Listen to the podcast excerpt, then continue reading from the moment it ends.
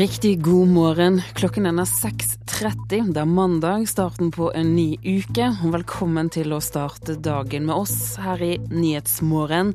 Her i studio, Turi Grønbekk. I løpet av sendingen denne morgenen skal vi bl.a.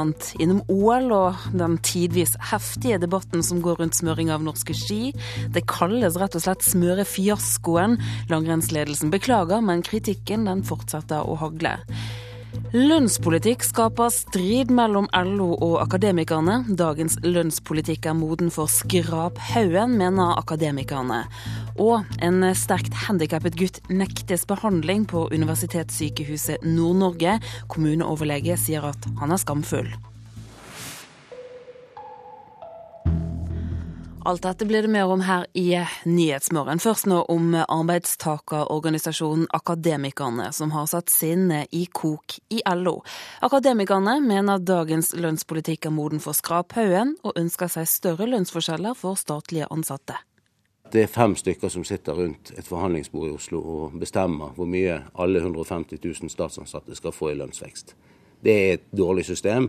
Det treffer selvfølgelig ikke der det er behov for det. Det gjør at du ikke kan utvikle staten som en attraktiv arbeidsplass, og du kan ikke bruke lønn som et personalpolitisk virkemiddel. Dagens lønnsdannelse i staten er klar for skraphaugen, mener Knut Årbakke, leder i Akademikerne. Med en ny regjering i førersetet håper han at lønnspotten for statlig ansatte skal fordeles lokalt, og ikke sentralt som i dag. Det kan nok bli noe større lønnsforskjeller i, i enkeltvirksomheter, det tror jeg nok. Men jeg har ikke tro på at det gir noe sånn voldsom endring i forhold til dagens system. Du vil fremdeles forhandle lønnen. Det er tillitsvalgte som skal forhandle lønn ute sammen med ledelsen. De vil sørge for alle sine medlemsgrupper. De vil kjempe for alle sine medlemsgrupper. og Resultatet blir det man kommer til frem til lokalt. Men da kan man komme til én løsning i Nav, og så en annen løsning i Jernbaneverket, og en tredje løsning hos Fylkesmannen. Og Det er det som er noe av vitsen. I LO møtes Årbakkes uttalelser med hoderysting. Å flytte all lønnsdannelsen lokalt vil sannsynligvis gi mer til de få og mindre til de mange. Sier Jon Leirvåg, leder i LO-forbundet Norsk tjenestemannslag. Det de sier er å gi mer makt til arbeidsgiverne. Og for meg så høres det veldig merkelig ut fra en arbeidstakerorganisasjon at det er på en måte eh, et redskap de syns er nyttig å bruke. Men er det riktig da at det er en liten håndfull mennesker inne i Oslo som sitter og bestemmer lønna for 150 eh, 000 akademikere? Jeg mener det er et helt feil premiss å sette at, at, at, det er en håndfull mennesker som fastsetter lønna. Tvert imot, det er eh, velinformerte folk som har tatt eh, krav fra medlemmene sine inn i et rom. Så sitter vi og fordeler og diskuterer de der. Årbakke setter sin lit til den blå-blå regjeringens signaler om modernisering i offentlig sektor. Vi forventer at de gjør det de har sagt de skal gjøre. De har sagt at de vil utvikle offentlig sektor, modernisere offentlig sektor, forenkle offentlig sektor, forbedre offentlig sektor. Det er jo eh, honnørordene til Jan Tore Sanner eh, som er ansvarlig statsråd for dette. Reporteren var Line Tomter. Ved Volkswagen-fabrikken i USA har et flertall av arbeiderne sagt nei til fagorganisering. Det er første gang det amerikanske bilarbeiderforbundet har forsøkt å organisere arbeidere som jobber for en utenlandsk bilprodusent. Hovedmotstanden kom ikke fra Volkswagen, men fra mektige republikanske politikere og lobbygrupper. Det kom som et sjokk for det en gang så mektige Bilarbeiderforbundet da avstemmingsresultatet ved Volkswagen i Chattanooga, Tennessee, ble lest opp seint fredag kveld. Med 626 stemmer for organisering og 712 mot var nederlaget et faktum. Dette skulle vært første skritt. Arbeiderne ved BMW og Mercedes sine fabrikker i USA var neste mål. Presidenten i Bilarbeiderforbundet, Bob King, var skuffet og la skylda på innblanding utenfra.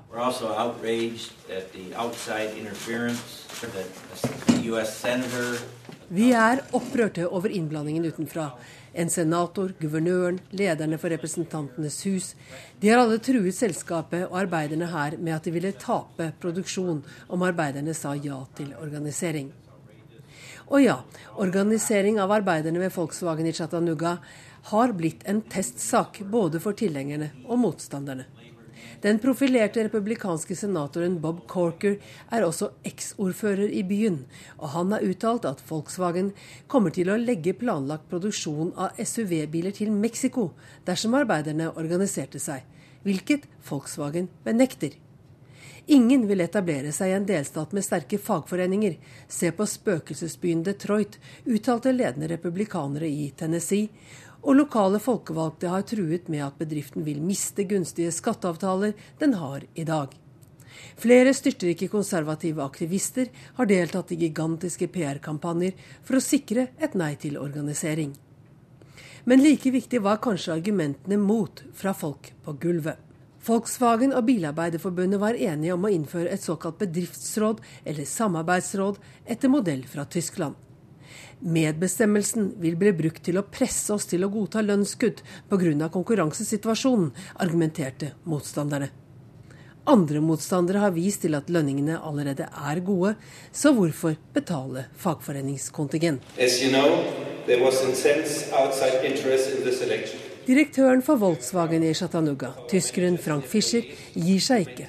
Han vil kjempe for bedriftsrådet, selv om amerikansk lov sier at det bare kan opprettes der hvor det allerede finnes en fagforening.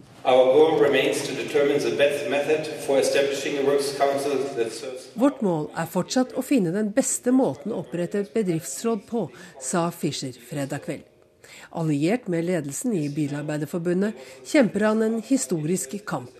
For verken fagorganisering eller medbestemmelse har lange tradisjoner i sørstatene. Gro Holm, Washington.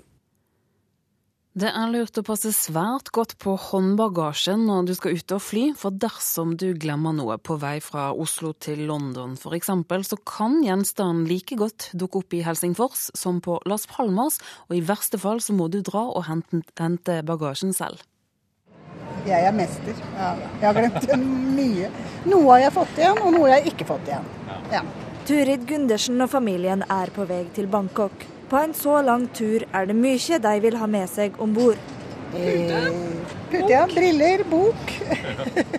Men mange slike ting blir att om bord når passasjerene går av, forteller Lasse Sandaker Nilsen i Norwegian. Krykker, rullestoler, eh, matvarer, eh, bøker, sånne type ting. Men de mest vanlige gjenstandene som folk legger igjen, det er type telefon og, og iPad. Men hva gjør du om ulykka er ute? La oss si på en tur fra Oslo til Bergen. Jeg ville kanskje prøvd i Bergen først, og så i Oslo etterpå. Men så enkelt er det nødvendigvis ikke. Når eh, passasjerene glemmer igjen ting på, på, flyet, så er det en kjensgjerning at det, er, det kan være komplisert å, å finne tilbake til eh, finne tingene. For det er ikke sikkert hittegodset er å finne, korkje i Oslo eller i Bergen. Norwegian rengjør ikke flyene mellom hver tur, og slik kan kofferten din fort få en rundtur gjennom Europa før han havner på hittegodskontoret der flyet stopper for natta. Det kan jo være i Oslo, det kan være på Gran Canaria, det kan være i Tromsø. Så det kommer helt an på hvor flyet har nattstopp. Derfor er det vanskelig å, å, å si noe konkret om hvor man skal henvende seg. fordi at flyet det kan avslutte arbeidsdagen sin praktisk talt hvor som helst. Sandaker Nilsen oppmoder om å sende Norwegian en e-post for å få hjelp til å finne ut hvor flyet stoppa for natta. Kanskje finner du kofferten din, til dømes i Barcelona. Men hva skjer da? Det viktigste da er jo å snakke med hittegodskontoret på den flyplassen. Hvis du har flydd med oss, så kan du ta kontakt med oss, men vi kan ikke garantere at vi Eh, kan sende den opp igjen, eh, opp igjen, til Bergen. da, fordi Regelen er ganske tydelig på det, at eh, bagasje skal følge, følge, passasjeren. Så da kan det nok hende at du, enten må ta deg en tur ned til Barcelona, og det er jo ikke det verste stedet å dra det, eller at du får den, får den tilsendt. Knut Morten Johansen i SAS sier at de rydder flyene sine på hver stoppestad og leverer det de finner på flyplassen der passasjeren gikk av men også de opplever det Norwegian beskriver. Når det gjelder personlige eiendeler du har på deg osv., så, så er det på en måte i din egen varetekt, så du har ansvar for å passe på det sjøl. Så det kan være litt krevende på en måte også å få slike ting tilbake, hvis du ikke helt er klar over hvor, eh, hvor den har havna. Men sånn er det. det var min feil. Reporter her, det var Al Wiseth. Lønnsoppgjøret er på flere av avisforsidene i dag. Tidligere i sendingen så nevnte vi striden mellom LO Stat og Akademikerne. Klassekampen skriver om at Akademikerne vil ha lokale lønnsforhandlinger for hvert enkelt virksomhet, noe LO Stat advarer mot. LO Stat mener det setter likelønnen på spill. Og Aftenposten slår opp konflikten mellom kommuner og lærere. Lærerkamp mot kontortid er overskriften i avisen, om at lærere nekter å gå med på å fjerne den fleksible arbeidstiden. Skolen overser jenter som sliter. Sju av ti elever som får spesialundervisning er gutter. Jentene blir ikke oppdaget, sier forsker til Vårt Land. Flere norske fylker opplever en kraftig økning i klager på rovdyrerstatninger. Det skriver Nasjonen. Økningen kommer etter den såkalte Krokan-dommen, der en sauebonde vant over staten i en omdiskutert rovdyrerstatningssak. I forbindelse med grunnlovsjubileet slår Dagsavisen opp en ny kritisk historiebok. Boken tar for seg grove overtramp der den, den norske stat har stått for, som henrettelser, tortur og tvangssterilisering. Dette er en norsk mørk historie, er overskriften i avisen. Det er absolutt ikke god stemning for å bygge flyplass på Hauan ved Mo i Rana, skriver Dagens Næringsliv og refererer til at verken SAS, Norwegian eller Widerøe synes at dette er en god idé. Og så er det mange av avisene som skriver om OL, og hyller Kjetil Jansrud for OL-gullet hans. Ellers er det mange aviser som er opptatt av det som kalles smørekatastrofen for langrennsløperne.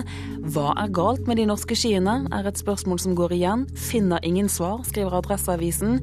Petter Northug var rasende etter smørefiasko, skriver Dagbladet. Men VG presenterer en grei løsning. Er du misfornøyd med OL? Slik blir du svensk, skriver avisen. Og I kjølvannet av alt bråket så innrømmer sjefen for langrennslandslaget at forberedelsene til OL i Sotsji ikke har vært gjort på en god, norsk, god nok måte. Den norske smørefiaskoen fortsatte med fjerdeplass på gårsdagens stafett, uten at noen i landslagsledelsen eller smøreapparatet vet hva som er galt. Dette er rett og slett ikke bra nok, sier Vidar Løfshus. Prosessene våre har ikke vært gode nok, og det, vi er tatt skikkelig på senga. Det, vi har havna i en situasjon og vi bare ror og ror og ror, og så har ikke vi helt kommet i land. og Vi klarte ikke på 24 timer, og nå er vi fortsatt på, godt på overtid. Landslagssjef Vidar Løfshus sitter med ansvaret sammen med trener Trond Nystad og hans bror Knut, som er smøresjef men ingen av dem aner hvorfor de utenlandske utøverne går på langt bedre ski enn de norske. Vi må ha et svar, for vi kan komme i sånn type situasjon en gang senere. Etter gårsdagens stafett som ble nok en smørekollaps, sa Chris Jespersen følgende. Det var helt jævlig ut, ja. Full stopp. Og Elda Rønning dette. Det er vel sjelden jeg har hatt uh, dårligere ski. Det er tøft å svelge. Tidligere landslagstrener og nå NRK-ekspert Carl Henning Gran tror utøverne er langt strengere i tilbakemeldingene når media ikke er til stede. De interne evalueringene er nok mye tøffere enn en de tar den, den utad, og sånn skal det være. Man skal ikke gå rundt og skylde på alt mulig annet rart, men, men evalueringa internt den er viktig, og den er ærlig. Til tross for at man fikk merke forholdene i Sotsji på kroppen under prøve-OL i fjor, har allikevel det norske apparatet mislyktes når det virkelig gjelder. Nå ser vi at vi på en måte kommer hit i en periode, et vindu som vi har vært her mange ganger før, og så er det helt annerledes. Og, ja. og Vi blir rett og slett tatt på senga. og Vi har jo sagt at vi, vi, vi frykta Sotsji og Sotsji-været. og det, Vi er jo virkelig dem som har fått den hammeren rett i hodet. Reporter i Sotsji var Mats Håby, og det er svært sannsynlig at smørebommen skyldes dårlig slipte ski, tror flere smøreeksperter NRK har snakket med. Hvis skiene ikke slipes riktig, så kan det ødelegge mye, sier tidligere smøresjef for landslaget, Terje Langli. Alt tyder på det at de har problemer med å finne rett struktur på skia. Så de skaper en sånn slipemaskin, et mønster i skia. For de har jo gode ski i starten, og signalet er jo at de får dårlige ski etter noen få kilometer. Det tyder på at mye iallfall at det er strukturen i skia så lenge det er både på klassisk og skøyting. Er Russland, Italia, Sveits og hvor blir vel Norge? Kommer der og ligger som nummer åtte. Vi ligger i øyeblikket 31 sekunder bak. 31 sekunder bak siste her, Ella Rønning. Vi har ikke sjans med det skia her. Det er helt umulig. Ja, Det er skia det går på her? Ja, det kan du se sjøl, så ser du det. Kan du beskrive litt? Herrestafetten er godt i gang, men pallplassering til Norge kan vi se lenge etter. Én etter én suser flere nasjoner forbi, mens de norske løperne får det bare tyngre og tyngre i sporet. Eldar Rønning sleit med skiene under gårsdagens renn, og han var ikke den eneste av de norske skiløperne som klagde over dårlig glid. Flere eksperter NRK har snakka med, mener at dårlig struktur i skiene har vært med på å ødelegge for de norske løperne. Vanligvis så kan en, en struktur som kanskje er litt for fin, litt for lite riller under, gjør at det går veldig bra til å begynne med, og så begynner det å tette seg til slutt, og da blir det sug i skia. Da mener jeg at da blir det egentlig skia som lim. Da lager ikke den vannhinna mellom snøen og skia som gjør at ei ski glir godt. Det sier smører for Team NPRO, Svein Næss. Han tror at en for fin struktur i skiene er problemet. Jeg, jeg tror at de ikke har knekt koden på, på å få rette strukturen i, i OL. Det, siden den, Peter gikk på en fabrikkstrukk, så vil jeg tro at, at, den koden ikke er knekt, og at uh, det er der de har alt å hente inn. Terje Langli er enig med Ness i at Norge ikke har klart å knekke koden. Det er jo litt overraskende å se dag etter dag at eh, de fleste nasjoner og små nasjoner med litt andre ressurser enn det kanskje Norge sitter på, gir gode ski. Og, men Norge klarer å knekke den koden i løpet av flere dager, så det, det overrasker jo egentlig veldig. Reporteren var Maria Abdli og Thea Norden Dahl. Tåken den ligger tett over Sotsji også i dag, og det betyr at herrenes fellesstart i skiskyting nok en gang er utsatt. Fellesstarten skulle vært i går ettermiddag, den ble utsatt til klokken sju i dag tidlig, men nå er neste mulige starttidspunkt klokken ni norsk tid. Klokken er 6.46. Du lytter til NRKs Nyhetsmorgen. Hovedsaker i dag. Organisasjonen Akademikerne går i strupen på LO, vil ha slutt på sentrale lønnsforhandlinger. Som vi hører, langrennslandslaget innrømmer flere feil i OL-forberedelsene etter fiaskoen i helgen. Og bli med oss videre i sendingen, for planer om et kraftverk ved Lysefjorden skaper strid. Naturvernforbundet frykter at naturområdet rundt Prekestolen skal bli skadet. Et eh, fly fra Ethiopian Airlines på vei fra Addis Abeba til Roma forandret kurs og fløy til Genéve i Sveits etter å ha sendt ut signaler om at flyet var kapret. Flyet fikk militær eskorte i flyen. Det sirklet over Genéve i over en time, men flyet har nå landet i Sveits. Foreløpig er det uklart hva som har skjedd om bord, og hva som førte til at flyet endret kurs og sendte ut signaler om at det var kapret.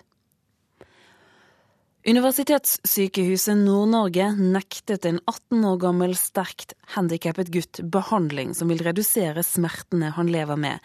Sykehuset begrunner avslaget med at de ikke har råd til å hjelpe gutten. Jeg er skamfull, sier kommuneoverlege Paul Oddberg i Skjervøy, som er 18-åringens fastlege. Jeg har gjort det for uh, denne pasientens eh, del, som er helt avhengig av å få en behandling som Rite hun kan gi, men hvor de påberoper seg økonomi for å ikke gi pasienten behandling. I brevet til sykehuset og til fylkeslegen skriver kommuneoverlegen at han opplever det som skamfullt å stå overfor denne guttens foreldre og si at Helse Nord ikke prioriterer denne gruppa høyt nok til å gi dem den nødvendige behandlinga ut fra økonomiske motiv. Helt til gutten fylte 18 år fikk han behandling på barneavdelinga ved sykehuset.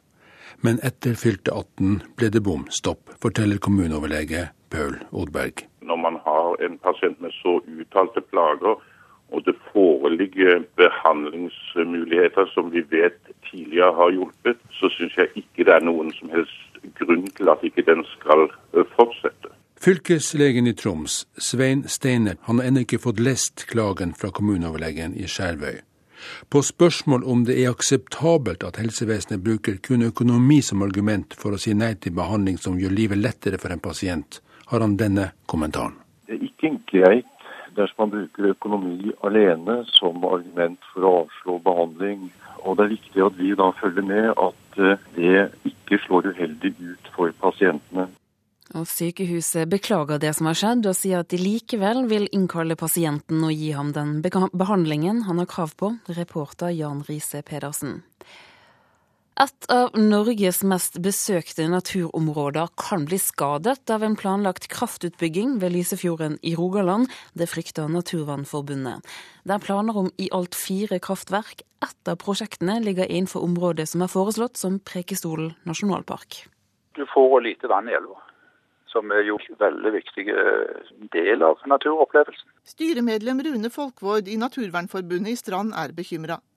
Norges vassdrags- og energidirektorat, NVE, har sendt planer om tre småkraftverk ved Lysefjorden ut på høring. I tillegg har Forsand elverk meldt inn et prosjekt for bygging av Songesand kraftverk i det samme området. Folkvår synes disse planene er særlig betenkelige. Der vil du jo få det de kaller for minstevannføring nær Skurvedalen. Dette området ligger innenfor det som er foreslått som Preikestolen nasjonalpark. Og vil være et veldig alvorlig bortfall av, av naturmiljøet. Men i Forsand kommune er de ikke enige. Forsand kommune ser på dette her som en grei måte å få ny fornybar energi uten at det blir foretatt store inngrep i naturen. Sier ordfører Ole Tom Guse. Og når det gjelder dette her med at det er Preikestol nasjonalpark, så har både Hjelmeland og Forsand kommune gått imot å ha nasjonalpark her. Skal en ha nasjonalpark, så får en finne litt områder som er litt lenger vekk fra fjorden. og eventuelt nærmere Preikestolen. Så vi ønsker kraftutbygging. Tirsdag skal politikerne i fylkesutvalget diskutere de planlagte utbyggingene. Administrasjonen innstiller på å gå imot de planlagte småkraftverkene, mens holdningen til Songesand kraftverk er mer avventende fordi det her trengs videre utredning. Forsand-ordfører Ole Tom Guse mener inngrepene i naturen samla sett er små. All vannet vil ikke forsvinne. Det er ikke snakk om oppdemming og magasinering av vann. Det er snakk om to elver som er veldig lite synlige. Bare de helt siste 10-15 meterne er de synlige for Lysefjorden. Så det er veldig små inngrep som skal gjøres. Det vil få små konsekvenser for både for miljø og for natur. Men for Rune Folkvord i Naturvernforbundet i Strand teller hver vanndråpe. Lysefjordområdet er jo en av de største turistområdene i Norge, og representerer jo kolossalt med besøk. Og hver bit som du tar vekk da, fra det området, altså hver vannstreng du berører, så minsker du verdien på området. Reporter var Anette Johansen Espeland. Absolutt ikke reporter, det var Marianne Terjesen. Økt privat sponsing av kulturlivet vil trolig føre til mer selvsensur, da kunstprosjekter blir skreddersydd for sponsorene. Det sier BI-professor Anne-Britt Gran, og viser til erfaringer fra USA. Tendensen er allerede tydelig i større byer som Stavanger. Ok, klar, lukk øynene. Lytt. Bratsjspiller Gunhild Oddbjørnsdatter og fysiker Andreas Wahl, kjent fra TV-programmer i NRK, er på Teino skole i Stavanger. De lanserer musikk- og fysikkprosjektet Lydo, som Stavanger symfoniorkester sammen med Wahl og Statoil gjennomfører for barn i 5. til 10. klasse. I løpet av våren skal 18 klasser konkurrere om å lage et instrument eller en musikkmaskin. Og i mars blir det konserter i Konserthuset for 3500 elever, med musikk og spektakulære eksperimenter. To, en. Vi hadde lyst til å komme ut til et yngre publikum på en ny og spennende måte. Så tok vi kontakt med Statoil og pitcha inn dette her, at det var en binding mellom musikk og fysikk sier Gaute Odnesen, kommunikasjonssjef i Stavanger symfoniorkester. Men at et symfoniorkester ser det som sin oppgave å fremme realfag i skolen, er ikke åpenbart. Dette handler om å finne på prosjekter som kan gagne ikke bare kunsten og publikum, men også sponsorene. I dette tilfellet Statoil, sier Odnesen. Selv om man lever i Stavanger og Rogaland, så sitter ikke oljepengene løst. Det, det er jo helt klart at de har jo et ønske og et krav eh, om at ting på en måte skal sammenfalle med de. Eh, da må en på en måte evne til å, å skreddersy ting eh, ut ifra sin organisasjon, som òg treffer de. Sponsoratene blir mer og mer instrumentelle. Sier Anne Britt Gran, BI-professor som har forsket mye på kultursponsing.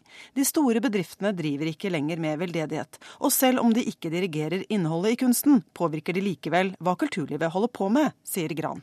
Men det vi vet fra utlandet og, og disse amerikanske undersøkelsene, er at det, det er ikke nødvendigvis at det er sponsorene som, som, som, på en måte dirigerer hva kulturinstitusjonene skal gjøre, men det at kulturinstitusjonene driver selvsensur og, dri, og, og på en måte tilpasser seg ut, liksom, liksom ut fra hva de tror sponsorene forventer, det er noe man kan, kan tenke seg også kan skje i Norge.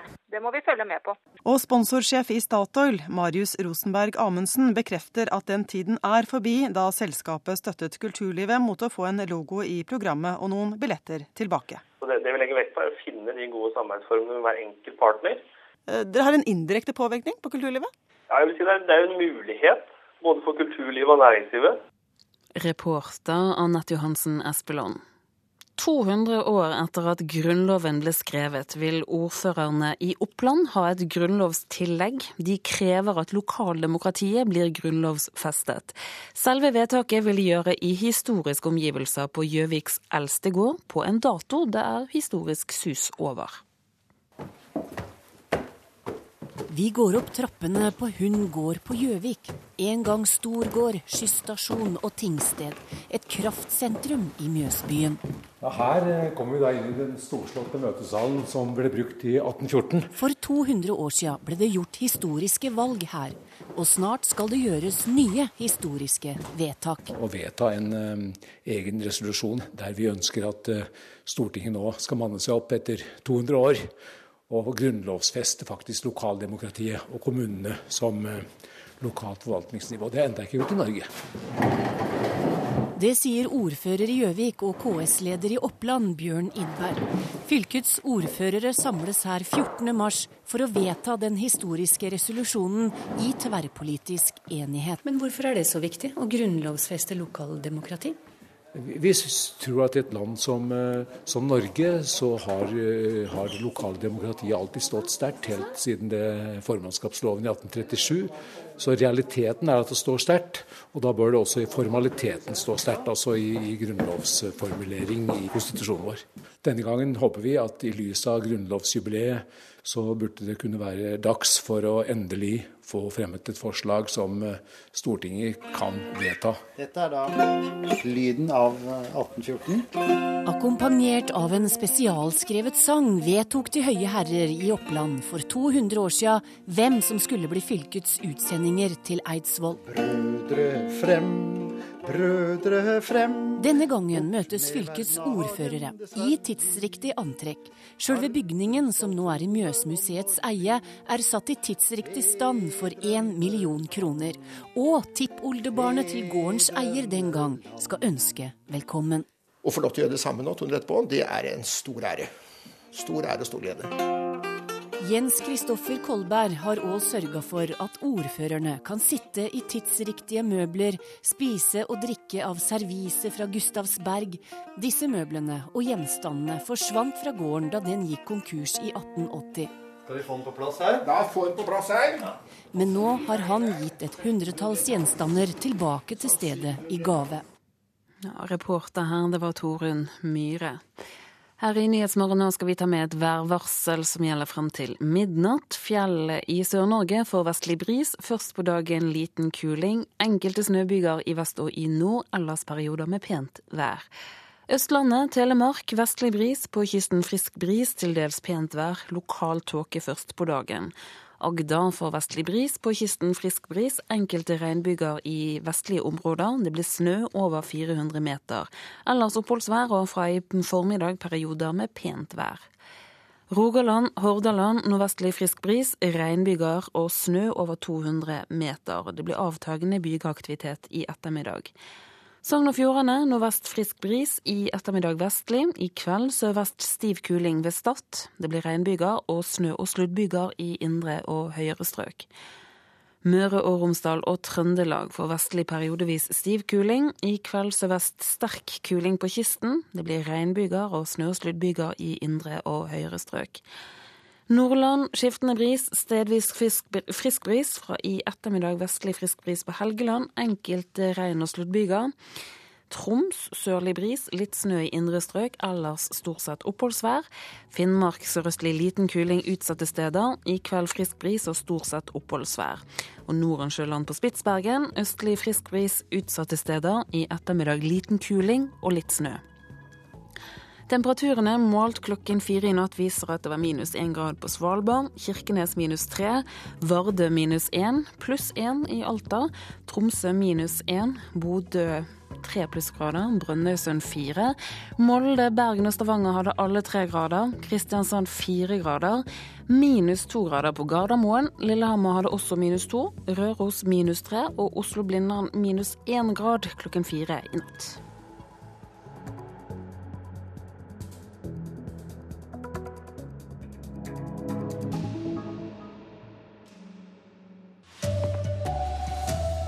Langrennslandslaget innrømmer flere feil i OL-forberedelsene etter smørefiaskoen. Et fly har sendt ut melding om kapring. Nå har det landet i Genéve. Her er NRK Dagsnytt klokka sju. Sjefen for langrennslandslaget innrømmer flere feil i måten de har forberedt seg til OL på. Den norske smørefiaskoen fortsatte med fjerdeplass på gårsdagens herrestafett, men ingen i smøreapparatet eller landslagsledelsen vet hva som er galt.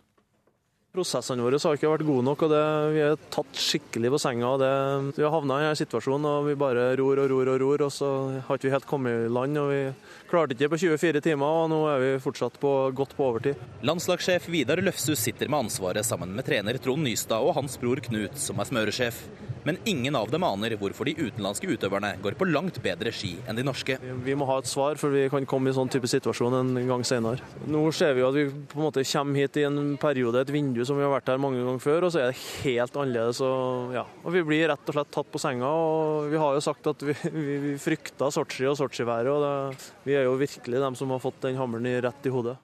Reporter Mats Håby. Og tåka ligger tett over Sotsji også i dag. og Herrenes fellesstart i skiskyting er nok en gang utsatt. Fellesstarten skulle ha startet nå klokka sju, etter å ha vært utsatt fra i går ettermiddag. Og nå er neste mulige starttidspunkt klokka ni norsk tid. Et fly fra Ethiopian Airlines på vei fra Addis Abeba til Roma forandret kurs og fløy til Genéve i Sveits etter å ha sendt ut signaler om at det var kapret. Flyet fikk militær eskorte i lufta og har landet i Sveits etter å ha sirklet over Genéve i over én time. Det er foreløpig uklart hva som har skjedd om bord, som førte til at flyet endret kurs og sendte ut signaler om at det var kapret. Det er stor mangel på morfin ved norske sykehus. Mange sykehus har gått tomme for enkelte typer sterk morfin som brukes til smertelindring for svært syke pasienter. Situasjonen er kritisk, det sier overlege Odd Jarle Kjørstad ved Førde sentralsykehus. Dette er virkelig krise. Jeg trodde vi hadde en legemiddelforsyningsstrategi her i landet der de viktigste medikamentene var sikra til enhver tid. Sykehus over hele landet får ikke tak i de sterkeste morfintypene. Årsaken er trøbbel med produksjonen. Statens legemiddelverk stadfester at Norge ikke har det som trengs av den sterkeste typen morfin. Og det er fremdeles uvisst når en får en løsning, sier medisinsk fagdirektør Steinar Madsen. Ja, altså Det er de sterkeste styrkene av morfin vi nå ikke har. slik at eh, da til lindrende behandling hos pasienter med sterke smerter, så må man også bruke svakere morfinstyrker. Og Vi syns også dette er veldig veldig leit. Eh, dette rammer jo noen av de vanskeligste pasientene, de med langvarige og sterke smerter. Det har eh, ikke lykkes NRK å få en kommentar fra Helsedepartementet. Reporter her, det var Asgeir Heimdal Reksnes. NRK Dagsnytt, Anders Borgen Werring.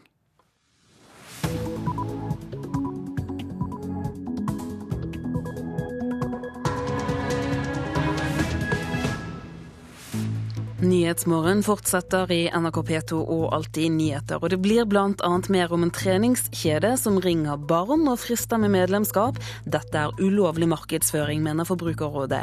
Dessuten, i dag kommer FN med en større rapport om situasjonen i Nord-Korea.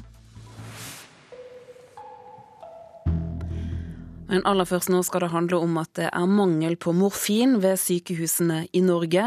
Mange sykehus har gått tomme for enkelte typer sterk morfin som blir brukt til smertelindring for svært syke pasienter. Dette er kritisk, sier overleger som ikke skjønner at dette går an. Dette er virkelig krise. Jeg trodde vi hadde en legemiddelforsyningsstrategi her i landet der de viktigste medikamentene var sikra til enhver tid. Overlege Odd Jarle Kjørstad ved kreftavdelinga på Førde sentralsykehus vet at de sykeste pasientene trenger sterk morfin for å døyve smertene. Men nå er lagrene tomme. Sykehus over hele landet får ikke tak i de sterkeste morfintypene. Årsaka er trøbbel med produksjonen. Ingen vet når hyllene igjen kan fylles. Det er tomt over, stor, over hele landet og veldig lite lager igjen. Vi får ikke flere leveringer til apoteket som leverer oss. Jeg føler det går på tilliten til helsevesenet løs. Vi prøver å forklare folk at vi skal hjelpe, og plutselig så ser vi at det vi er helt avhengig av for å hjelpe dem, det har ikke vi lenger. Statens legemiddelverk stadfester at Norge ikke har det som trengs av den sterkeste typen morfin. Årsaka er produksjonsproblem som starta i høst, og det er fremdeles uvisst når en får en løsning, sier medisinsk fagdirektør Steinar Madsen. Ja, altså Det er de sterkeste styrkene av morfin vi nå ikke har. slik at eh, da til lindrende behandling hos pasienter med sterke smerter, så må man også bruke svakere morfinstyrker. Og vi syns også dette er veldig veldig leit. Eh, dette går, eh, rammer jo noen av de, mest, de vanskeligste pasientene, de med langvarige og sterke smerter. Men det er jo dessverre blitt en økende tendens til legemiddelmangel, eh, både i Norge og i resten av verden. Og Det er et økende problem, og vi er absolutt ikke glad for dette. Ja, hvorfor er det slik at det er blitt en økende tendens til legemiddelmangel? Det er veldig mange forklaringer. Det har med at eh, legemiddelfirmaer kjøper hverandre opp. Det har med at eh, produksjonen flyttes til India, Kina osv.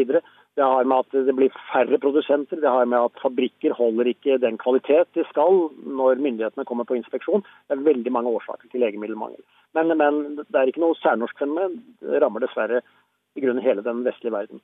Ved Førde sentralsykehus har ansatte tråla bygningen og apotekene for å finne mest mulig morfin. Det sier avdelingssjef ved kreftavdelinga Geir Andvik. Det er først i dag vi har kjent på kroppen at vi ikke får de leveransene vi har bruk for.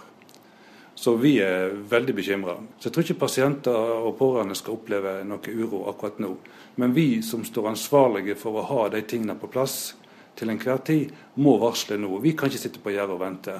Og Vi forventer nå at denne saka kommer på helseministerens bord så snart som mulig for å få et svar på hvordan ståa er. Og Jeg tviler på at han er informert om dette. her. Og NRK har vært i kontakt med Helsedepartementet. De viser videre til Legemiddelverket. Reporter var Asgeir Reksnes. Stig Ottesen, du er overlege for lindrende behandling på kreftavdelingen ved Ullevål sykehus. Denne typen morfin vi snakker om nå, hvem er det som behandles med den? De aller fleste er pasienter med uhelbredelig kreft, eh, særlig i langkommen fase. Som betyr? Ja, eh, når sykdommen har kommet eh, eh, så langt at livet nærmer seg slutten. Hva slags smerter er det de har?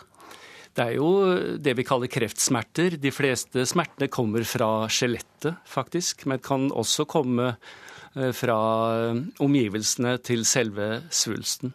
Denne typen morfin, har du eksempler på hvordan den virker for pasienten?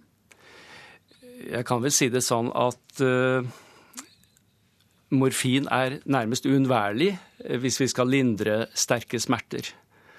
Eh, det som er bra, er at eh, morfin er faktisk ganske ufarlig å bruke hvis vi bruker det riktig.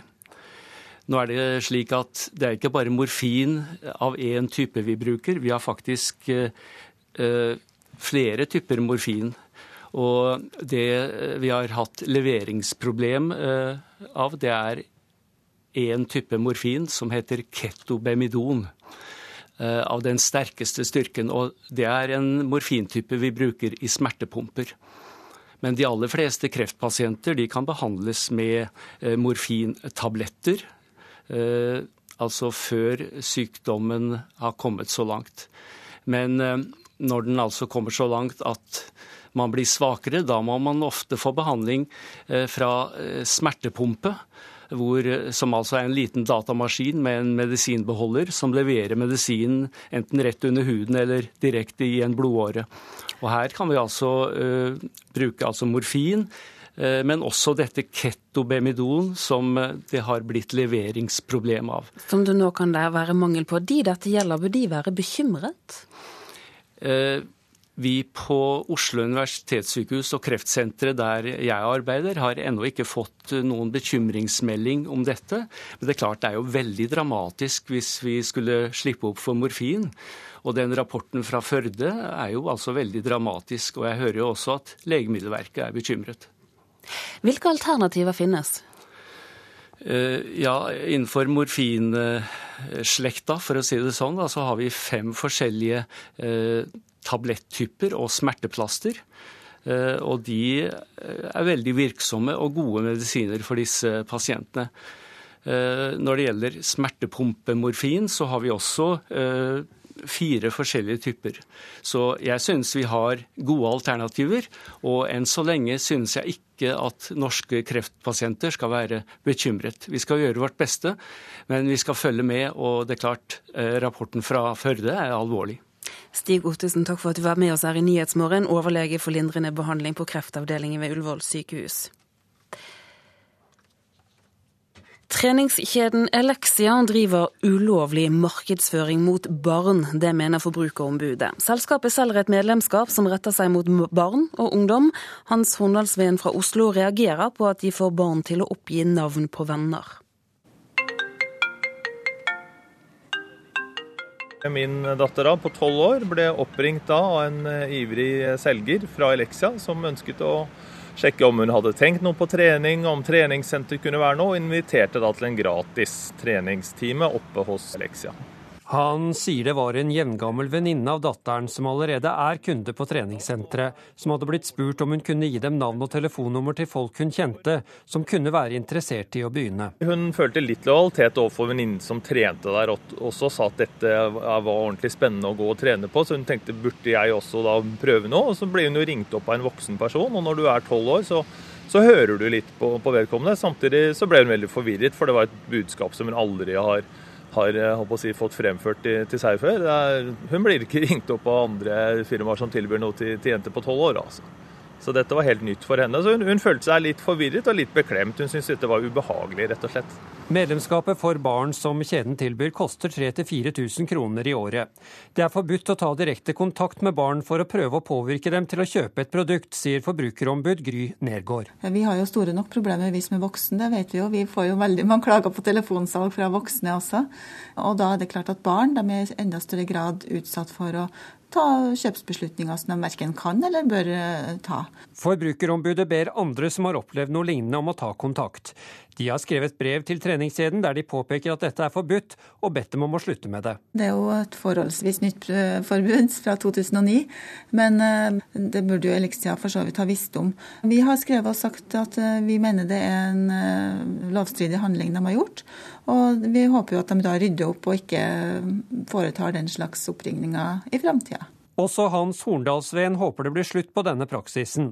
Han mener man ikke skulle trenge å vise til lover. Helt fra starten å be venninner om å oppgi navn og telefonnummer på, på venner og bekjente, syns jeg er håpløst. Setter de i en vanskelig situasjon, for hun syns jo etterpå at dette var leit. Og det andre er jo da å ringe da en jente på tolv år og invitere til, til en, et, egentlig et salgsframstøt.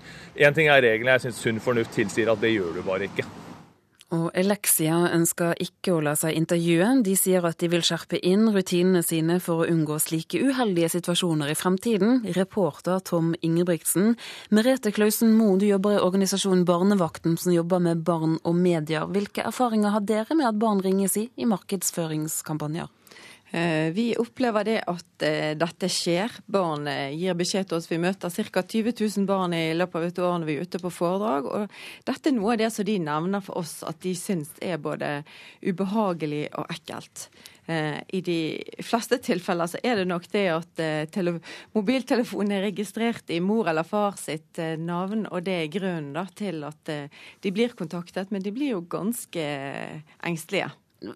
For hva da? Eh, og du vet, Her er det da en voksen som tror at de også er en voksen, og så er de jo ganske flinke selgere, de som tar kontakt. Så disse barna sitter med stor hjertebank. Ja. Dette er én type markedsføring som kan rettes mot barn og mot unge. Ser dere andre typer?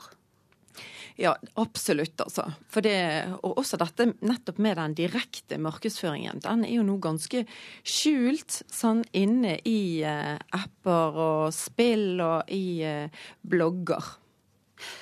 Altså type blogging, spillselskap og den type bedrifter som prøver å, å nå barn? Ja, absolutt. Sant? Du er inne i et spill, og så uh, Eh, kanskje har du et abonnement der, du er medlem der. Foreldre vet veldig lite hva som skjuler seg i den virtuelle innboksen, og også hvilket eh, push det kan være nettopp på det å komme videre. For du, når du er da inne i dette spillet, så er jo du da plutselig ikke god nok. Du får det ikke til, f.eks. den banen du holder på med, og du skal bare betale syv kroner for å komme videre. Så blir du da god nok. Det at, at selskaper da prøver å påvirke barn og unge på denne måten, hvor stort vil du anslå at problemet er? Altså dette, du vet, De som driver med med markedsføring, de er jo der på de arenaene både våre barn og alle vi som skal kjøpe, er. Så det er, er vil anslå til å være et stort problem. Hva synes du bør gjøres? Um, jeg synes også når det gjelder um, for foreldre så syns jeg de bør informere barna sine og fortelle det at eh, toppbloggerne de er kjøpt og betalt. Og forklare de om mekanismene at spillene er utviklet på en sånn måte at du nettopp nesten ikke skal klare det, eh, og at du dermed må betale for å gå videre.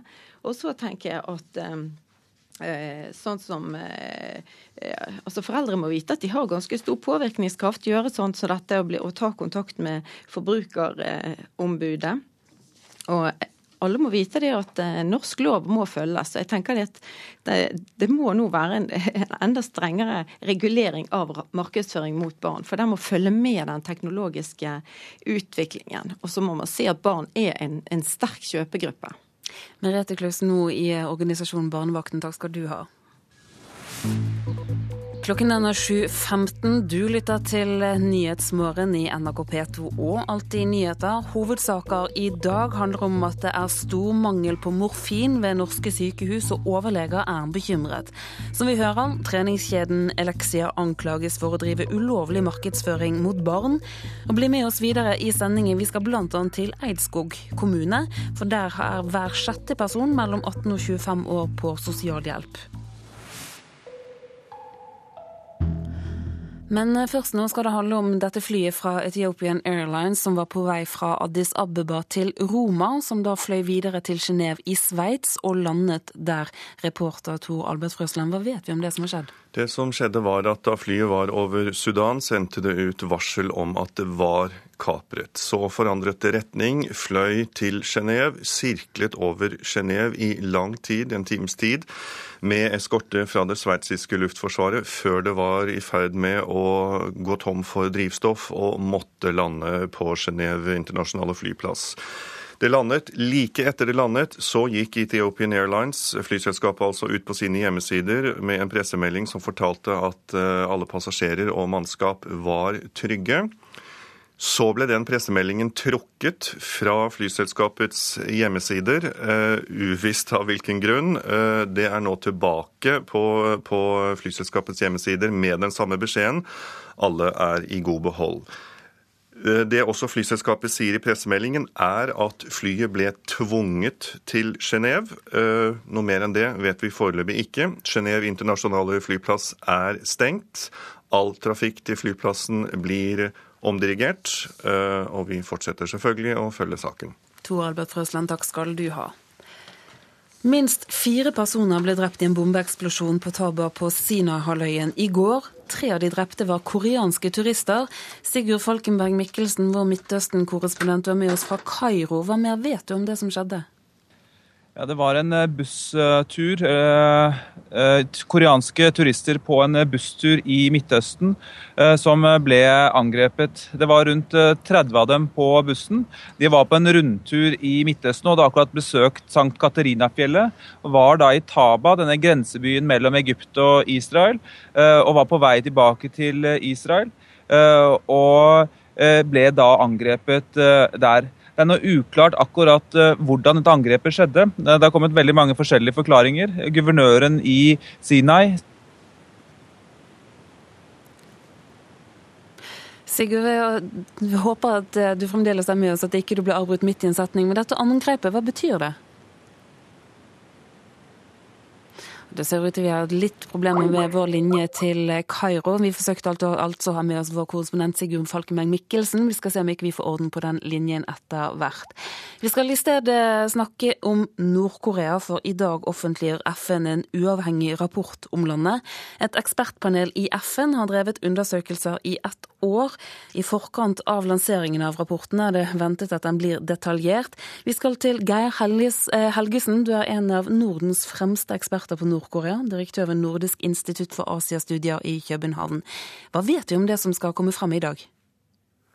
Ja, Vi vet jo ikke noe før uh, vi ser rapporten, men den, uh, det er jo lekket visse ting. da. Men uh, den, det dreier seg om en rapport som er skrevet av såkalt uavhengige eksperter, som har intervjuet ca. 80 personer Mange av dem er flyktninger fra Nord-Korea som har opplevd å være i leirer eller fengsler. og De har da fortalt om grusomheter. Og så er det en masse eksperter som også har bidratt til rapporten. Og Det rapporten bidrar med, det er jo egentlig ikke noe nytt. Vi har hørt alt sammen før. Og Nord-Korea vil helt sikkert avvise hvert eneste ord som står i den. Og FN-systemet og den vestlige verden vil da fordømme Nord-Korea på basis av rapporten. Og man vil eskalere det, den dårlige relasjonen som er allerede. Og det er i hvert fall ikke noe som kommer til å hjelpe de menneskene som har det dårlig, forferdelig i Nord-Korea. Hva tenker du ville hjulpet? vi vet at press og isolasjon og fordømmelser eh, har den motsatte effekten i Nord-Korea. Det har vi sett nå snart i 60 år. Og Derfor så er det eneste som hjelper, det er å gå i en dialog med regimet. Gjerne også omkring menneskerettigheter og om styrets uh, brutalitet osv.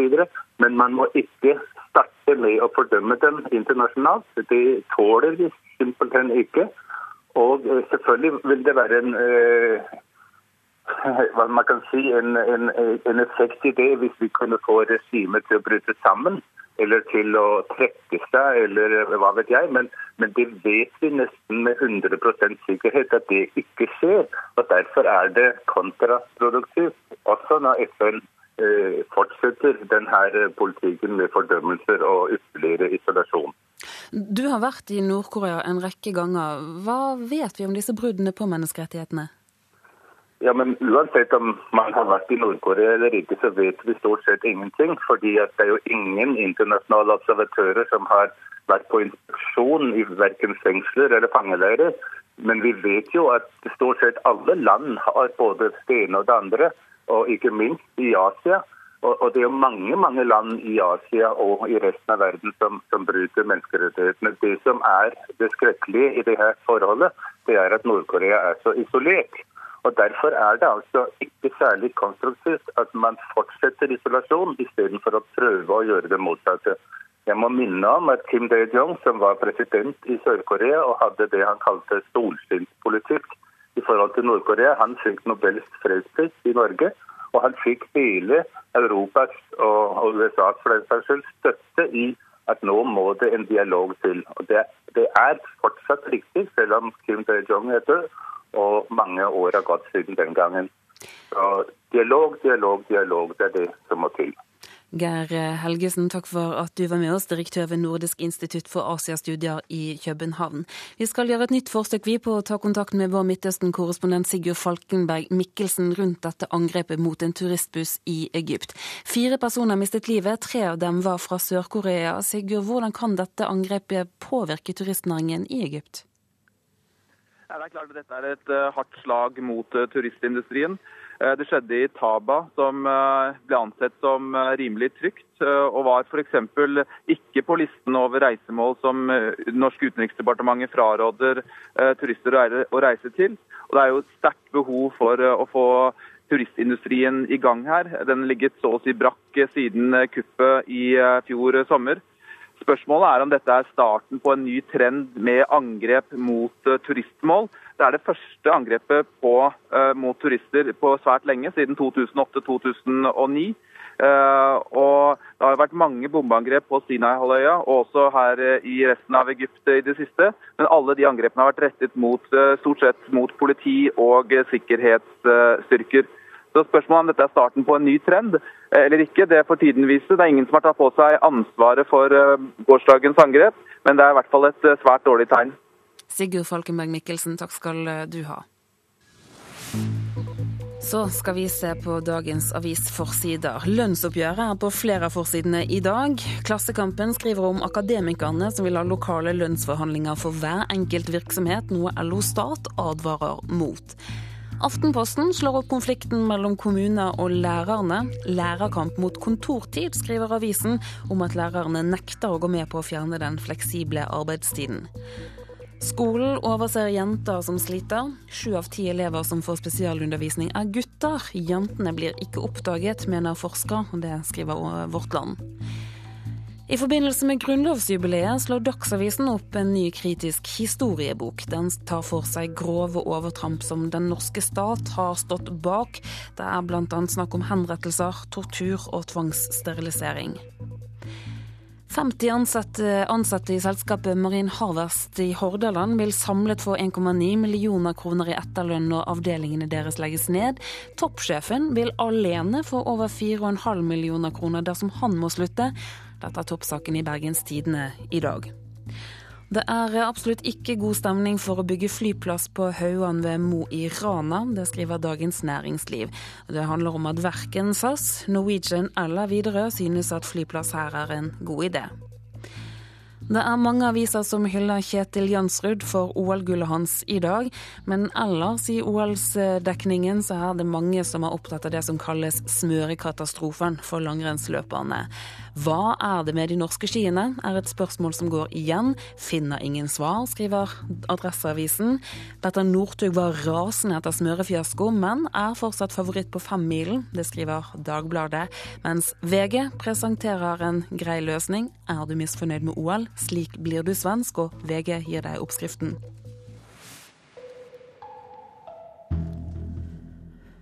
I Eidskog kommune i Hedmark lever mer enn hver sjette person mellom 18 og 25 år av sosialhjelp. Det er en adskillig høyere andel enn andre steder.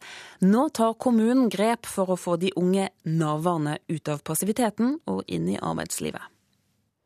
Nei, jeg syns det er bra. De får jo hjelp av de trenger. Det gjør de jo.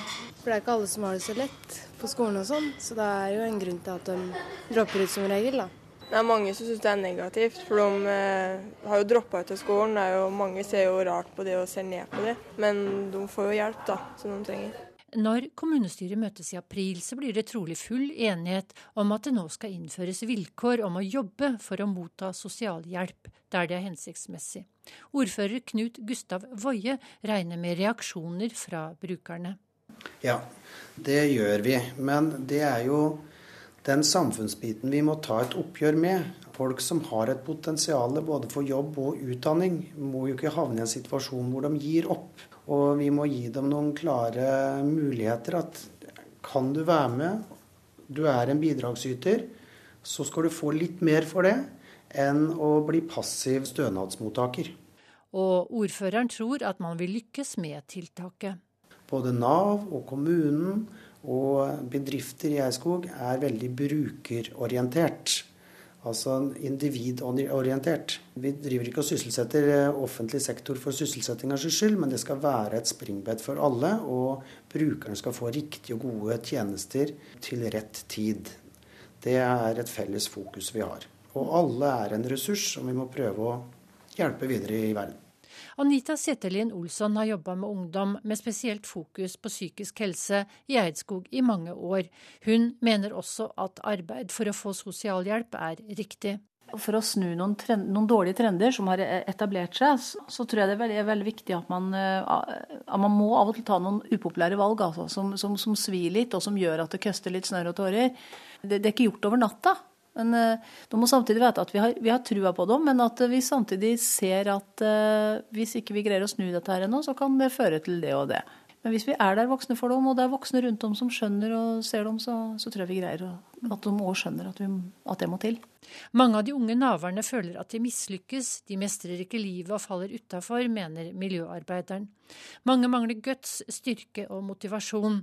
Tiltak må settes inn allerede i barneskolen, både overfor foreldre og barn, mener hun. Jeg vet at Eidskog kommune ved oppvekstleder Jon Egil Pettersen er veldig opptatt av det helhetstenkninga. Så jeg tror Eidskog kommune er absolutt på et riktig, vi er på et riktig spor. Og, da tenker han helhetstenkning helt ifra barnehage.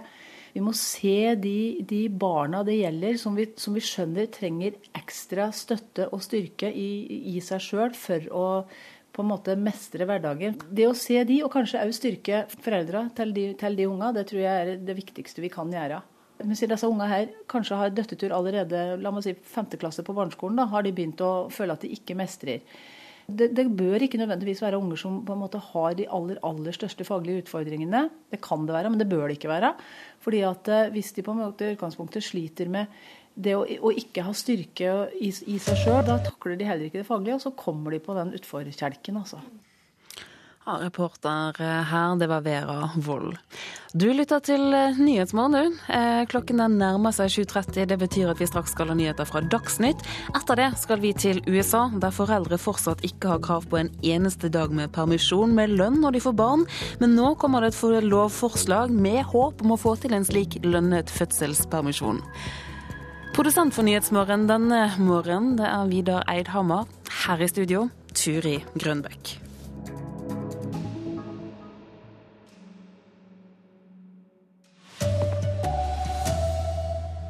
Langrennslandslaget innrømmer flere feil i OL-forberedelsene. Smørefiasko er bare én av dem. Et fly har landet i Genéve etter melding om kapring. Og treningskjeden Elixia ringer til barn for å friste med medlemskap. Det er ulovlig, mener Forbrukerombudet. Her er NRK Dagsnytt klokka 7.30. Sjefen for langrennslandslaget innrømmer flere feil i måten de har forberedt seg til OL på. Den norske smørefiaskoen fortsatte med fjerdeplass på gårsdagens herrestafett, men ingen i smøreapparatet eller landslagsledelsen vet hva som er galt. Prosessene våre har ikke vært gode nok, og det, vi er tatt skikkelig på senga. det, Vi har havna i denne situasjonen og vi bare ror og ror og ror, og så har ikke vi helt kommet i land. og vi Klarte ikke på 24 timer, og nå er vi fortsatt på, godt på overtid. Landslagssjef Vidar Løfshus sitter med ansvaret sammen med trener Trond Nystad og hans bror Knut, som er smøresjef. Men ingen av dem aner hvorfor de utenlandske utøverne går på langt bedre ski enn de norske. Vi må ha et svar, for vi kan komme i sånn type situasjon en gang senere. Etter gårsdagens stafett, som ble nok en smørekollaps, sa Chris Jespersen følgende. Det var helt jævlig ut, ja. Full stopp. Og Elda Rønning dette. Det var sjelden jeg hadde eh, dårligere ski. Det er tøft å svelge. Til tross for at man fikk merke forholdene i Sotsji på kroppen under prøve-OL i fjor, har allikevel det norske apparatet mislyktes når det virkelig gjelder. Nå ser vi at vi på en måte kommer hit i en periode, et vindu som vi har vært her mange ganger før, og så er det helt annerledes. Og, ja. og Vi blir rett og slett tatt på senga. og Vi har jo sagt at vi, vi, vi frykta Sotsji og Sotsji-været. og det, Vi er jo virkelig dem som har fått den hammeren rett i hodet. Reporter i Sotsji, Mats Håby. Det er eh, svært sannsynlig at smørebommen i Sotsji skyldes dårlig slipte ski. Det tror flere smøreeksperter som NRK har snakket med. Hvis skiene ikke slipes riktig før selve smurningen legges på, så kan det ødelegge for god glid, sier tidligere smøresjef for landslaget, Terje Langli. Og signalet er jo at de får dårlig ski etter noen få kilometer. Det tyder på at eh, mye iallfall at det er strukturen i skia så lenge det er både på klassisk og skøyting. Et mønster som skjæres inn i skisålen, som sammen med smørninga skal gi best mulig glid. Det er denne slipinga som kan ha gått galt i helga, tror ekspertene. Å ligge som nummer åtte. Vi ligger i øyeblikket 31 sekunder bak. 31 sekunder bak uh, siste er uh... Smører i Team MPRO, Svein Næss, tror skiene kan ha blitt slipt feil. Vanligvis så kan en, en struktur som kanskje er litt for fin, litt for lite riller under, gjøre at det går veldig bra til å begynne med, og så begynner det å tette seg til slutt, og da blir det sug i skia. Da mener jeg at da blir det egentlig skia som lim. Da lager ikke den vannhinna mellom snøen og skia som gjør at ei ski glir godt. Reportere her det var eh, Thea Nordén Dahl og Maria Abdli. Så ligger tåka tett over Sotsji i dag også, og det betyr at herrenes fellesstart i skiskyting nok en gang er eh, utsatt. Fellesstarten eh, skulle gått i går ettermiddag, men ble utsatt til klokka sju i dag tidlig. Nå meldes det om at tidligste starttidspunkt blir 12.30 norsk tid. Tidligere i morges gikk det altså en kapringsalarm om bord på et fly på vei til Roma. Flyet hadde tatt av fra den etiopiske hovedstaden Addis Abeba. Det skal nå ha landet i Genéve, men det er foreløpig uklart hva som har eh, skjedd. Og utenriksmedarbeider Charlotte Bergløff, eh, er det kommet opplysninger nå om at dette flyet ble kapret? Nei, det er foreløpig ikke bekreftet om dette var en kapring, men da flyet landet eh, i Genéve, så gikk flyselskapet Ethiopian Airlines ut på sine nettsider og informerte om at dette flyet var blitt tvunget til å endre kurs. Så det kan jo tyde på dette, og det var en kapringsalarm som gikk ut i femtiden i morges da de var på vei over Sudan. De endret retning og havnet altså i Genéve, der de sirklet over flyplassen i lengre tid før de kunne lande.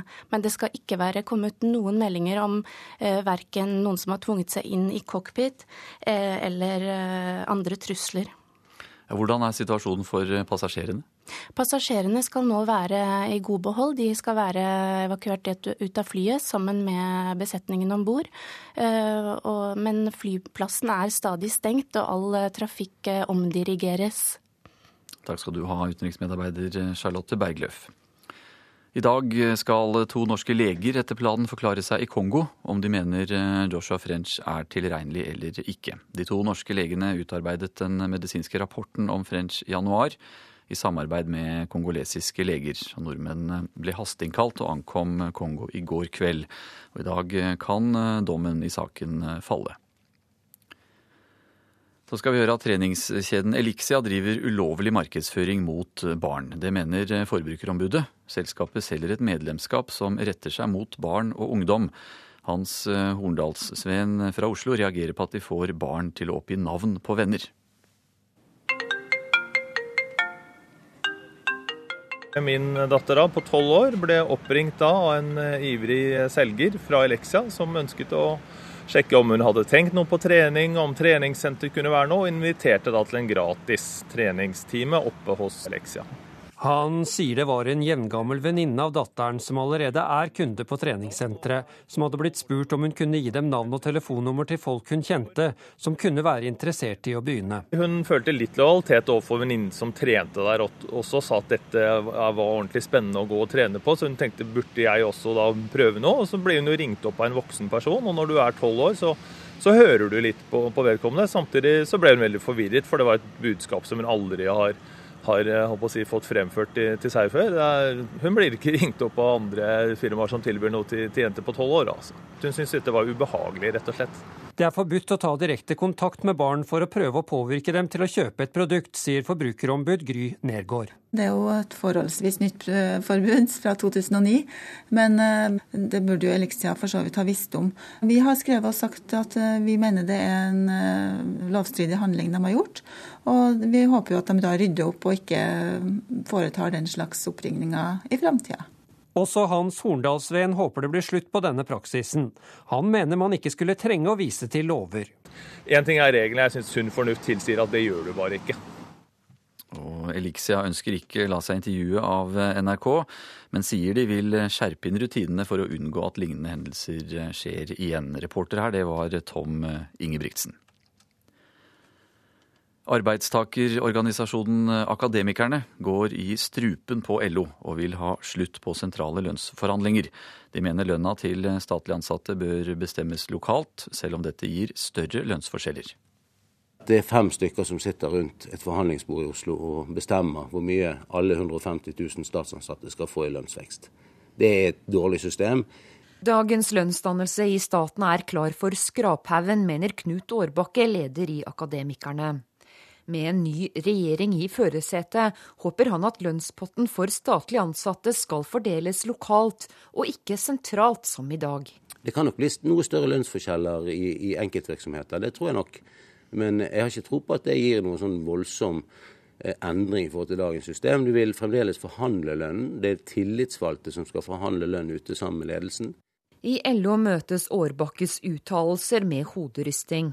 Å flytte all lønnsdannelsen lokalt vil sannsynligvis gi mer til de få og mindre til de mange. Sier Jon Leirvåg, leder i LO-forbundet Norsk tjenestemannslag.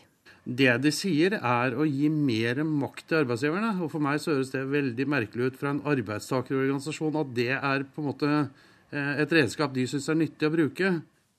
Det sa Jon Leirvåg, som er leder i LO-forbundet Norsk tjenestemannslag. Reporter her, det var Line Tomter. Videregående elever som eh, skal lære seg å bli fiskere, er bekymret for at de ikke får nok trening i faget. Årsaken er at skolene er tildelt altfor små kvoter. Nå skal eh, fiskeriminister Elisabeth Aspaker vurdere om skolene skal tildeles større kvoter. Jeg vil ha på bordet dette, jeg vil gå gjennom det. Og så må vi komme tilbake til hvordan disse kvotene skal se ut fremover. Men et mest mulig realistisk eh, introduksjon til yrket er også viktig. sånn at eh, her må kvotene, og det må stå litt i forhold til også den aktiviteten vi mener lærlingene skal ha som en del av opplæringa si. Det sier fiskeriminister Elisabeth Aspaker. For flere av de 19 videregående skolene i Norge som har opplæringskvote, er kvota så liten at de ikke får trening i fiskeryrket. Joakim Berg ved Honningsvåg maritime skole og videregående skole forklarer situasjonen slik. Vi har ikke noen ressurser å bruke for at vi skal få den opplæringa. Det blir jo vanskelig å stå og sløye flasker og sånn her. Så det kan du ikke gjøre. Stortingsrepresentant for SV Jonny Ingebrigtsen mener det er avgjørende at elevene får større kvote å fiske på. Barentshavet det koker av fisk, og nå passer det veldig godt. Så nå er tida for å øke de her kvoten til de her elevene som nå har lyst til å dra på havet og bli fiskere. Reporter her, det var eh, Rune Berg. Og så minner vi om at eh, det muligens blir skiskyting eh, klokka 12.30 i formiddag. Det skulle vært skiskyting for herrene nå klokka sju, men det ble utsatt pga. tåke. Og den ligger altså da fortsatt tett over Sotsji. Kan høre det på NRK P1 eller DAB-kanalen NRK Sport. NRK Dagsnytt nå, Anders Borgen Werring.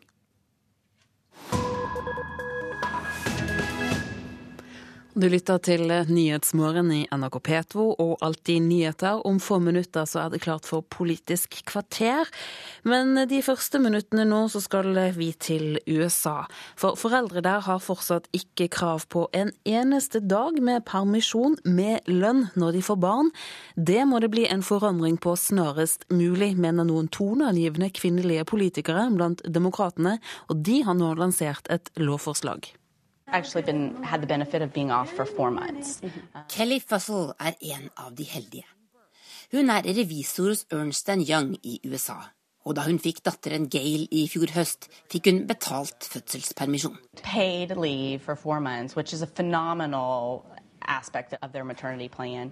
Jeg fikk være hjemme i fire måneder med lønn. Det er helt fantastisk, forklarer Fussell til NBC.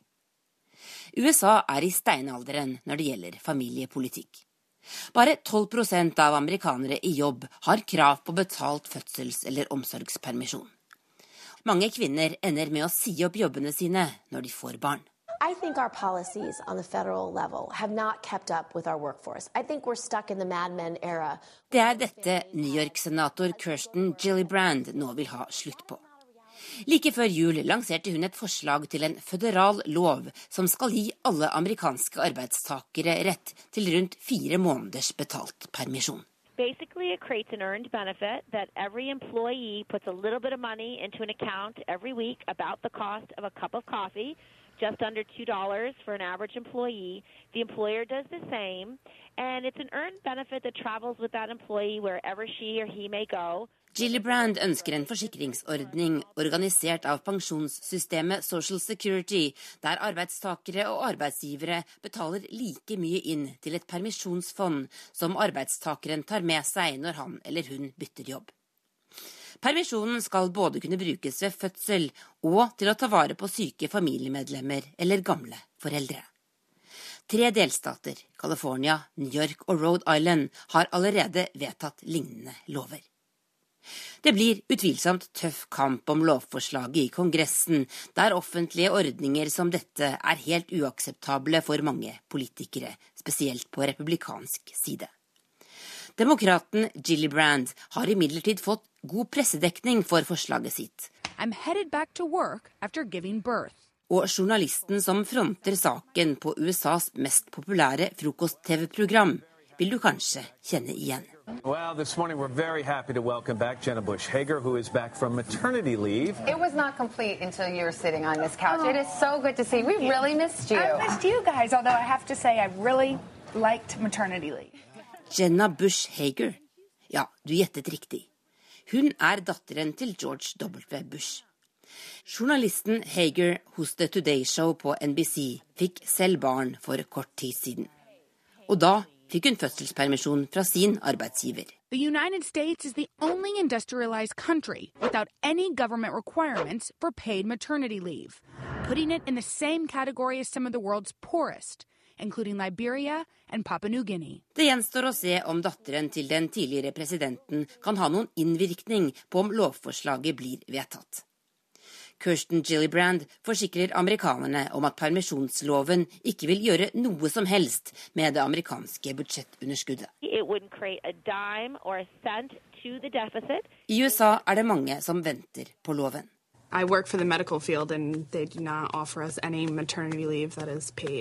En av dem er Kayla Babbitt, som bare hadde råd til å ta åtte uker fri uten lønn da hennes datter ble født. Og reporter her, det var Tove Bjørgaas. Dette er Nyhetsmorgen. Klokken den nærmer seg 7.45. Dette er hovedsaker akkurat nå. Langrennslandslaget innrømmer flere feil i OL-forberedelsene. Smørefiasko er bare én av dem, men ingen er helt sikre på hva som er galt. Et fly har landet i Genéve etter melding om kapring. Flyselskapet opplyser at både passasjerer og mannskap om bord er i sikkerhet. Her hjemme er det stor mangel på morfin ved norske sykehus. Overlege er bekymret for situasjonen. Og treningskjeden Elixia ringer til barn for å friste dem med medlemskap. Dette er ulovlig markedsføring, mener Forbrukerombudet. Du lytter altså til Nyhetsmorgen. Nå blir det Politisk kvarter.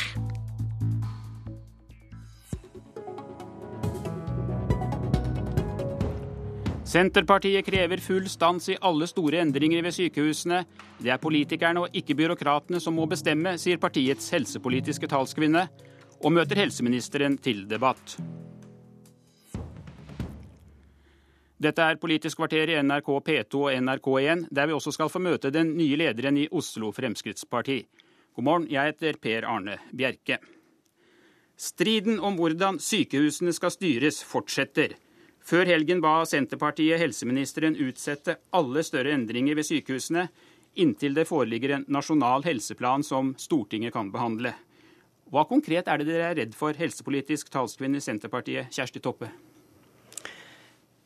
Nei, Vi ser at eh, sykehussektoren har et eh, stort eh, demokratisk underskudd. Og vi mener at vesentlige endringer det må bestemmes av politikerne av Stortinget, og ikke av helsebyråkratene ute i foretakene. Og nå ser vi at det er veldig mange store prosesser på gang i mange foretak.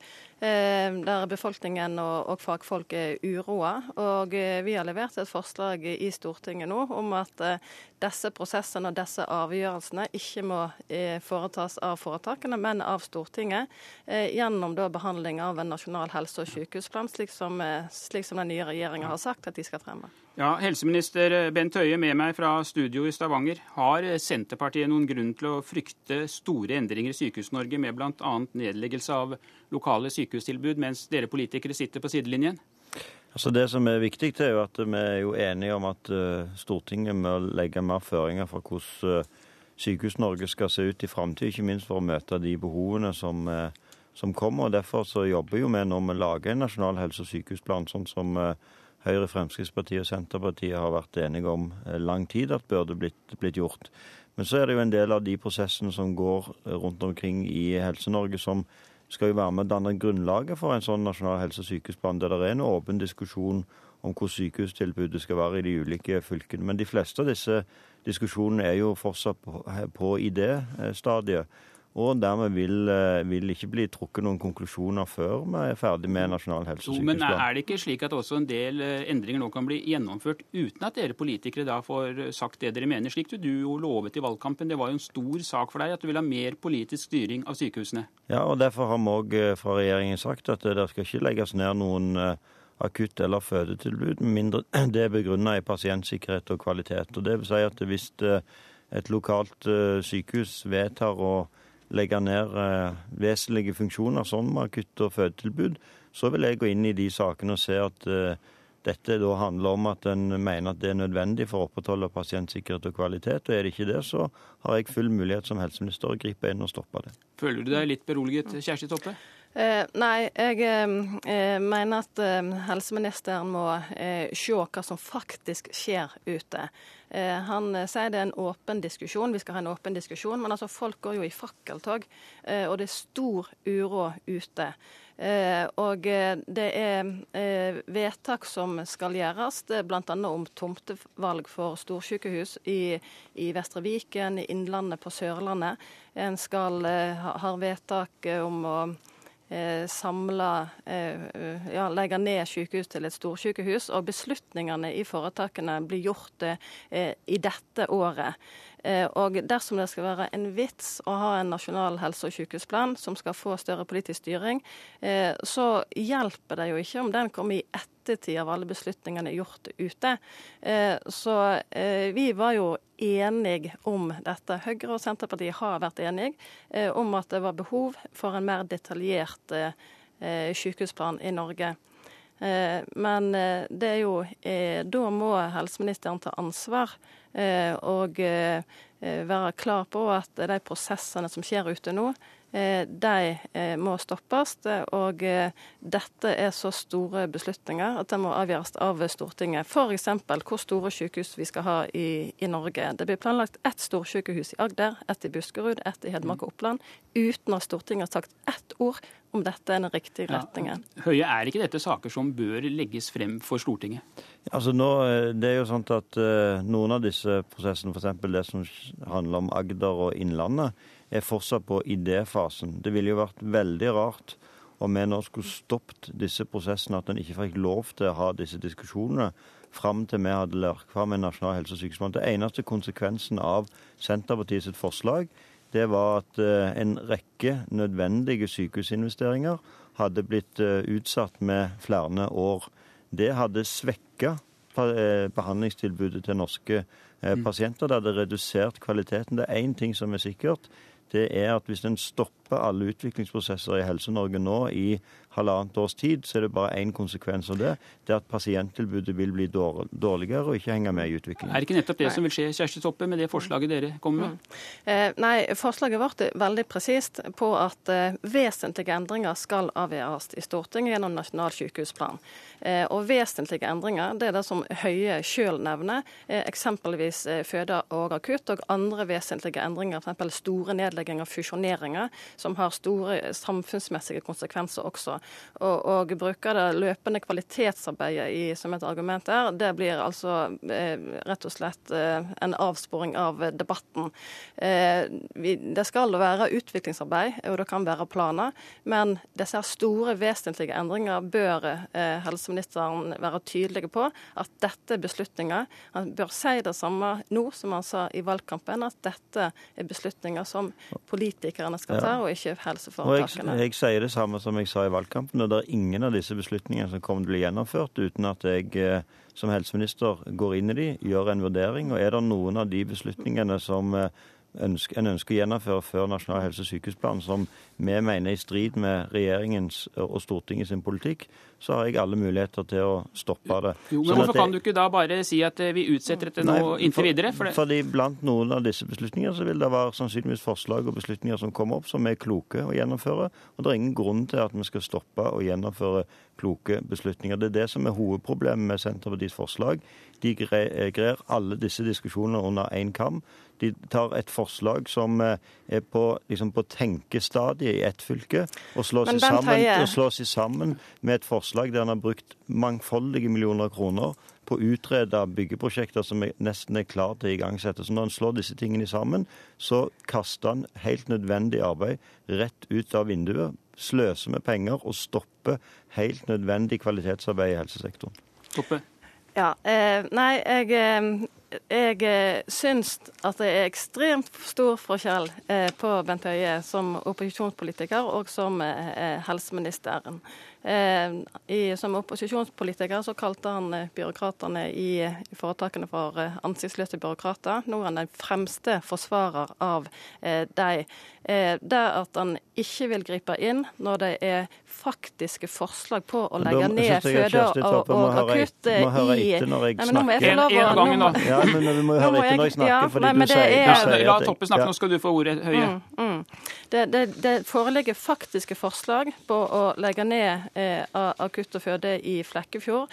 Det er forslag på å gjøre om Rjukan sykehus til et lokalmedisinsk senter. Det er samme forslag på mm. Kragerø. Hvis helseministeren mener at dette er ting som vi må bare la skure og gå, og dette her er en idémyldring, så syns jeg det, eh, vi må få eh, en helseminister som tar mer ansvar for det som faktisk skjer ute, men, og ikke drive bort. Nå må Høie forsvare. Men Kjersti Toppe, du hørte nettopp hva jeg sa. Det er ingen av disse beslutningene som kommer til å bli gjennomført uten jeg har gått inn i det. Jeg har hatt møte med alle ordførerne i de kommunene der det er aktuelle diskusjoner som faktisk skal føre til endringer.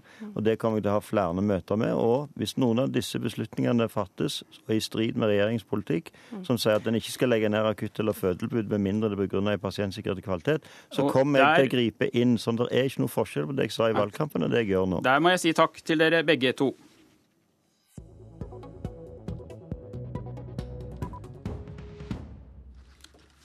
God morgen og velkommen til Politisk kvarter, Camilla Wilhelmsen. Vær så god, kom inn her og sett deg ned ved mikrofonen. Du ble i helgen valgt til ny leder i Oslo Fremskrittsparti.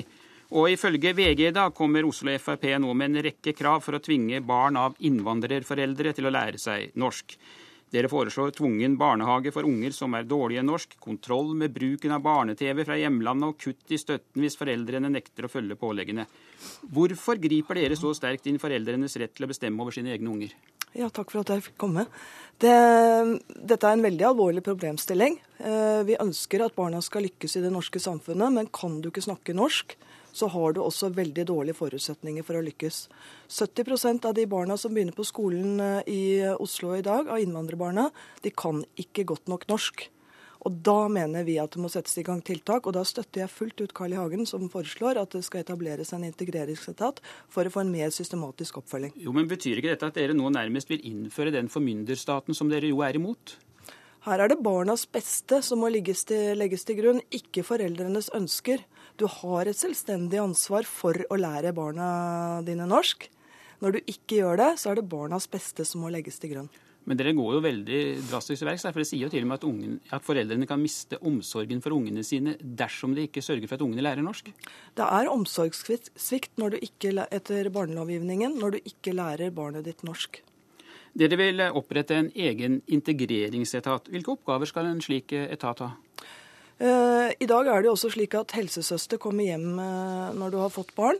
Eh, dette er for å informere og få veilede foreldrene om hvordan man bør oppføre seg i det norske samfunnet. Kommer du til Norge og ønsker å bosette deg her, så er det det første du må gjøre, det er å lære deg norsk. Ellers så vil du ikke kunne fungere i samfunnet. Hvor mange byråkrater tror du det må ansettes i en slik integreringsetat? Det vil ikke jeg ta stilling til, men jeg har tallet på øh, øh, hvor mye man bruker på norskopplæring i skolen fordi innvandrerbarna ikke kan norsk der, og det er 250 millioner kroner. Så det er store beløp vi snakker om. Men jeg vil også si det at det er barnets beste som ligger til grunn her. Vi må legge forutsetningene til grunn for at ungene skal lykkes i det norske samfunnet, alle ungene våre. Og for å lykkes så må du kunne norsk. På årsmøtet vedtok Oslo Fremskrittsparti også å gå inn for en karensdag, altså at vi blir trukket i lønn for den første dagen når vi er syke. Men eh, dette er kanskje et vedtak du ikke er så veldig glad for? Eh, jeg må innrømme at jeg stemte mot, men skal, eh, jeg følger vedtaket. Og det er et viktig signal om at sykefraværet i Norge er for høyt. Oslo Fremskrittspartis årsmøte gikk inn for at vi skal innføre en karensdag slik som det er i Sverige i dag. Og eh, hvis du ser på sykefraværet i Norge, så er det nesten dobbelt så høyt som i Sverige. Det er en, eh, det er en diskusjon vi må tørre å ta. Men jeg vil, også, jeg vil også kunne få lov til å si at uh, nasjonalpolitikk eh, ligger fast. Fremskrittspartiets uh, landsprogram, så går man ikke inn for å innføre karensdag. Men, men, hvor lurt er det av fylkespartiet å vedta forslag som dere vet at regjeringen ikke går inn for? Vet du hva, det, er, det har også noe med at du må tørre å ta en debatt som kan være ubehagelig, men det er et signal om at man er bekymret for at sykefraværet er for høyt, og spesielt også da korttidsfraværet. Men dere fortsetter tradisjonen fra din forgjenger Christian Tybring-Gjedde å være da urokråka i partiet? Nei da, Christian eh, har ikke vært urokråke. Jeg ser på Christian som en flott leder med et stort engasjement for Fremskrittspartiet. Og stort engasjement for Fremskrittspartiet betyr at vi også må kunne ta debatter. Men dere går altså da inn for en karensdag som regjeringen går imot. og Går ikke dere nå litt i denne SV-fellen ved å fronte saker som dere vet at Frp ikke får gjennomslag for i regjeringen? Vi tar denne debatten fordi vi mener at det er viktig å ta debatten om at sykefraværet er for høyt. Og det, det tror jeg at, at man, man, bør kunne eh, ha takhøyde for i Norge i dag. Nå er mange av oss opptatt av OL, og akkurat nå så er det en stor eh, delegasjon fra Oslo kommune i Sotsji for å selge inn eh, OL i Oslo i 2022. Syns du dette er vel anvendte skattepenger, at man sender 23 kommunale mennesker til eh, Sotsji? Jeg mener at det kanskje ikke er det. Jeg, jeg mener at vi har hatt en folkeavstemning i Oslo om Oslo kommune skulle søke om OL. Eh, den folkeavstemningen, der, eh, den lokale folkeavstemningen, der sa man ja. Og det må vi respektere, og da må vi fortsette søkeprosessen Men i Oslo Frp så har vi stilt medlemmene fritt, og jeg eh, ville nok ikke ha søkt på OL. Så der er dere altså uenige med byrådet, som dere jo er et parlamentarisk grunnlag for? Nei, vi har sagt at vi skal, vi sagt at vi skal, vi skal, vi skal selvfølgelig følge folkets råd. Og når, når vi har bedt om et råd, så skal vi følge det. Og bystyregruppen til Oslo Frp ja. vi støtter søknadsprosessen. Takk skal ja. du ha for at du kom hit, Camilla Wilhelmsen. Og det var Politisk kvarter med Per Arne Bjerke. Salongen. Hei, jeg heter Kristin Clemet og er leder i Tankesmien Civita. Da jeg var utdanningsminister, startet jeg arbeidet med skolereformen Kunnskapsløftet. Men det var før jeg skjønte at alt man egentlig trenger å vite, finnes i Salongens podkast på nrk.no podkast.